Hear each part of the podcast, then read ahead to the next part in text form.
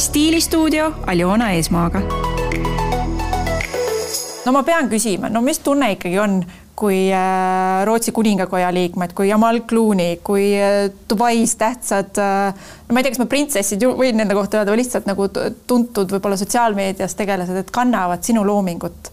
et noh no mis siin salata no,, ikka tore on ju et mul on, mul on hea meel kõikide oma klientide üle, ma ütlen mm -hmm. täiesti ausalt, et, et jah, lihtsalt inimesed, kes on rohkem nagu meedia tähelepanu all, see mm -hmm. kõik kuidagi nagu võimendub ja, ja loomulikult on, on tore, kui inimesed, kes võivad ju lubada endale mis tahes maailma mm -hmm. brände, et ikkagi leiavad end kapist, et vot see liljaheina kleit on ikkagi nii hea, et ma panen mhm. ikkagi jälle selle selga kas sa üldse tunned mingisugust survet, et noh, et no september läheneb, et ma pean kindlasti uue kollektsiooni välja andma, sest mulle tundub, et noh, tänapäeval tegelikult ma ei tea, keegi väga nagu tuleb siis, kui tuleb.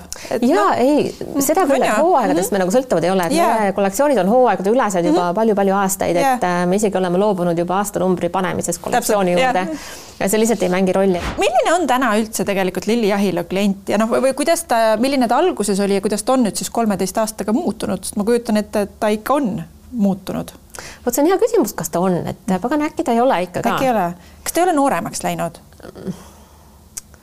Vot ma ei tea, ma tean ainult seda, et mina ise olen vanemaks jäänud mina olen see generatsioon, kes ju kooli moeshowdel, kus me tegime, mm, ma ei tea, enam-vähem abakanid osteti tühjaks sellest polüester nagu sellest organsast. ja kõik plastik läks külge. just ja kõik plastik ja kilekotid ja mis kõik, et, et siis ei olnud see ressurss üldse nagu mingisugune teema. stiilistuudio Aljona Eesmaaga